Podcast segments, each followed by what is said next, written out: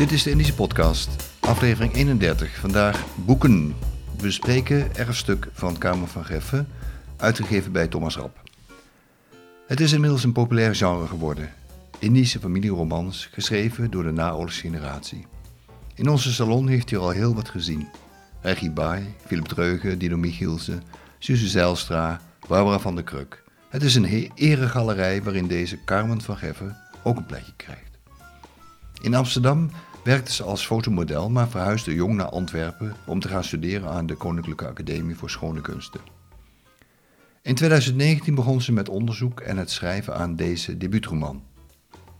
Het verhaal bevat mooi gedocumenteerde elementen uit het leven van haar grootvader, die als kind van een inheemse concubine en een Hollandse planter geboren is in Nederlands-Indië.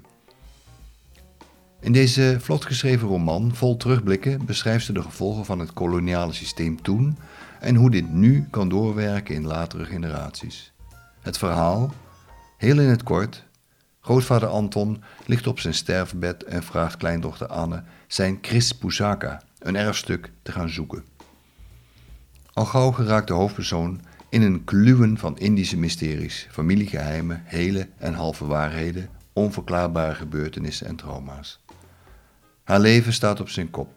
Ze vraagt zich af welke erfenis zij zich op de hals heeft gehaald. En of het familiedrama zich ook in haar heeft genesteld.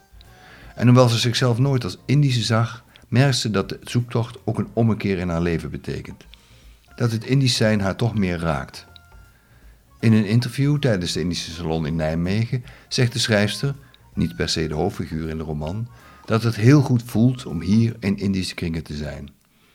In mijn woonplaats Antwerpen wordt immers nooit geappelleerd aan die afkomst. Wanneer ik zeg Indische te zijn, dan denkt men in Vlaanderen aan India's. En toch, er is veel interesse in het zuiden. Het boek wordt in België goed verkocht. Ik denk dat het komt door het koloniale verleden, dat dit herkenbaar is vanwege Congo. Al is men bij ons nog lang niet zo ver met het verwerken van dat soms gruwelijke verleden als jullie in Nederland. Aldus van Geffen. Erfstuk is een confronterend boek, eigenlijk on-Indisch hard. Het bevat alle gevoeligheden die aan het Indische kleven: de familiegeheimen, de schaamte over kleur, de statusdaling van de voorouders, de onderlinge afgunst, de emotionele kwetsbaarheid en nare tekortkomingen.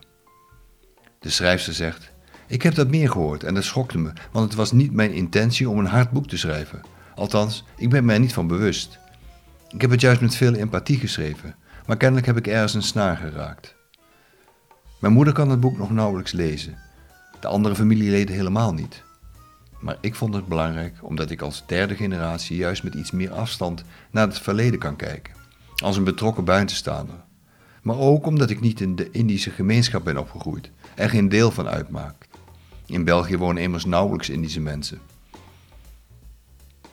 Hoewel haar grootvader tal van geheimen met zich mee het graf innam, er blijven niet en er daarbij leven niet over wilde praten, heeft hij volgens de schrijfster toch bewust iets achtergelaten. Kennelijk zag hij de brieven en documenten die hij aan zijn zus naliet als een erfstuk dat moet worden doorgegeven.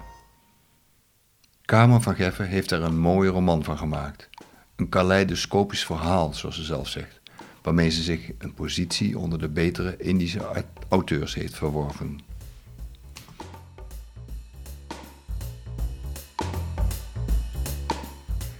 Kamer van Geffen was op 26 maart te gast in de salon. Zij leest nu een fragment voor uit het boek Erfstuk. Hoofdstuk 22, Javazee, 1929. Mejuffrouw Muller kneep haar handen nog wat vaster rond de ijzeren reling, terwijl de Indrapura wegvoer van de kade. Ze voelde hoe de opkomende zeewind haar verhitte gezicht verkoelde. De komst van de moesson had zich al laten voelen in korte, maar hevige buien, in de lucht die al maar zwaarder werd. Ze hield van het weer in de bergen. Ook in Malang regende het vaak, maar de temperaturen waren er aangenaam. De afgelopen dagen had ze in een krap pensionkamertje in een broeierige stad verbleven, in afwachting van de afreis met de onbekende jongen. Mevrouw Bernie was haar een dag voor vertrek komen opzoeken. Boottickets in de hand, haar hoofd een beetje gebogen. Mijn excuses, mevrouw Muller. Mijn echtgenoot heeft helaas alleen nog tickets tweede klasse kunnen bemachtigen. Een paar weken geleden, in de Lavalette kliniek van Malang, had ze haar nogthans eerste klasse beloofd. Tweede klasse. Mevrouw Muller had slechts kunnen knikken. Mevrouw Bernie had nogmaals alle instructies doorlopen, maar het was meneer Bernie die vanmorgen op de Rotterdamkade van Tanjung Perak had gestaan. Aan zijn hand de kleine Anton. De jongen had nauwelijks opgekeken, schraapte met zijn leren schoen een streep over de grond. Zijn vrije hand zat onhandig opgedraaid in zijn matrozenjakje. Zijn bruine buik boven de korte blauwe broek was een beetje zichtbaar.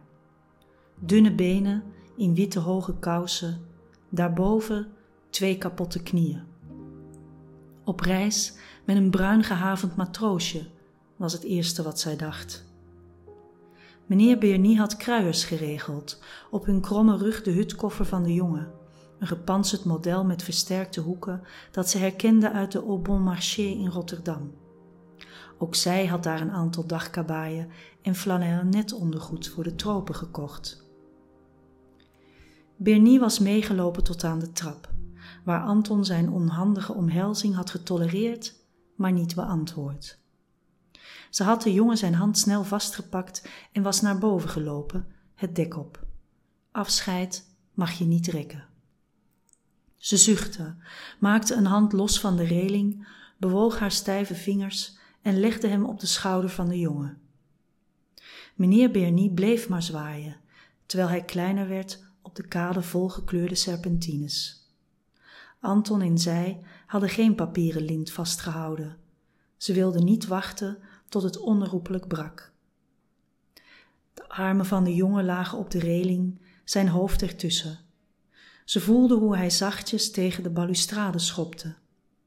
Hij leek niet geïnteresseerd in de kade, in de daarachter liggende stad die zich langzaam aan het zicht onttrok.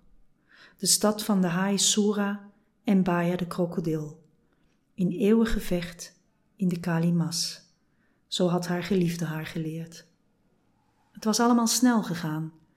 Anton had een chaperone nodig en haar vader had haar dringend naar huis bevolen. Dat had hij in een telegram laten weten. Hij zou niet dulden dat ze langer bleef. Voor haar lag er geen toekomst meer op dit eiland. Ze moest trouwen in Nederland, niet op de plek en niet met de man waarop ze had gehoopt. Mejuffrouw Muller tuurde door haar wimpers, filterde het zonlicht en probeerde opkomende tranen binnen te houden. Ze schraapte haar keel en zei kordaat: Kom, Anton, wij gaan onze hut verkennen. De jongen reageerde niet, dus pakte ze hem bij zijn arm en leidde hem door de groep mensen die maar bleef zwaaien, naar een dek lager, waar de hutten tweede klasse lagen. Ze liepen door de lange gangen, speurend naar het juiste nummer. De tweede klasse had zoveel meer deuren dan de eerste. Hopelijk was er ook hier een zacht bed en een wastafel met stromend water. En laat er alsjeblieft een elektrische ventilator zijn. Haar heenreis eerste klasse was betaald door haar ouders, hoewel die in eerste instantie niet akkoord gingen met de plannen van hun tweede dochter. Een beroep uitoefenen, en dat nog wel als verpleegster in de tropen, was volstrekt ongehoord. Maar zij wilde al van jongs af de wereld intrekken, mensen helpen. Het was haar oom missionaris die haar daartoe had geïnspireerd. Haar ouders gingen uiteindelijk overstag omdat verpleegkunde edele drijfveren kende en de beoefening ervan christelijke deugden voorop stelde. Ze hoorde het haar vader zeggen, het snelle, ritmische, het snelle ritmische uitkloppen van zijn pijpje op de achtergrond. Nadat ze eindelijk het hutnummer had gevonden, opende ze bezweet de deur. Even sloeg ze haar hand voor haar mond. In het smalle gangpad van de kleine, langwerpige ruimte stond een berg op elkaar gestapelde koffers. Ze stonden naast een mahoniehouten kast met wastafel en versperden de weg naar een eenvoudig, ijzeren stapelbed. De met hout betimmerde wanden waren kaal op een paar koperen kapstokhaken na, en aan het einde, achter het stapelbed, viel een straal zonlicht door de metrale patrijspoort, het enige raam. Hoe moest het hier vijf weken met de jongen uithouden?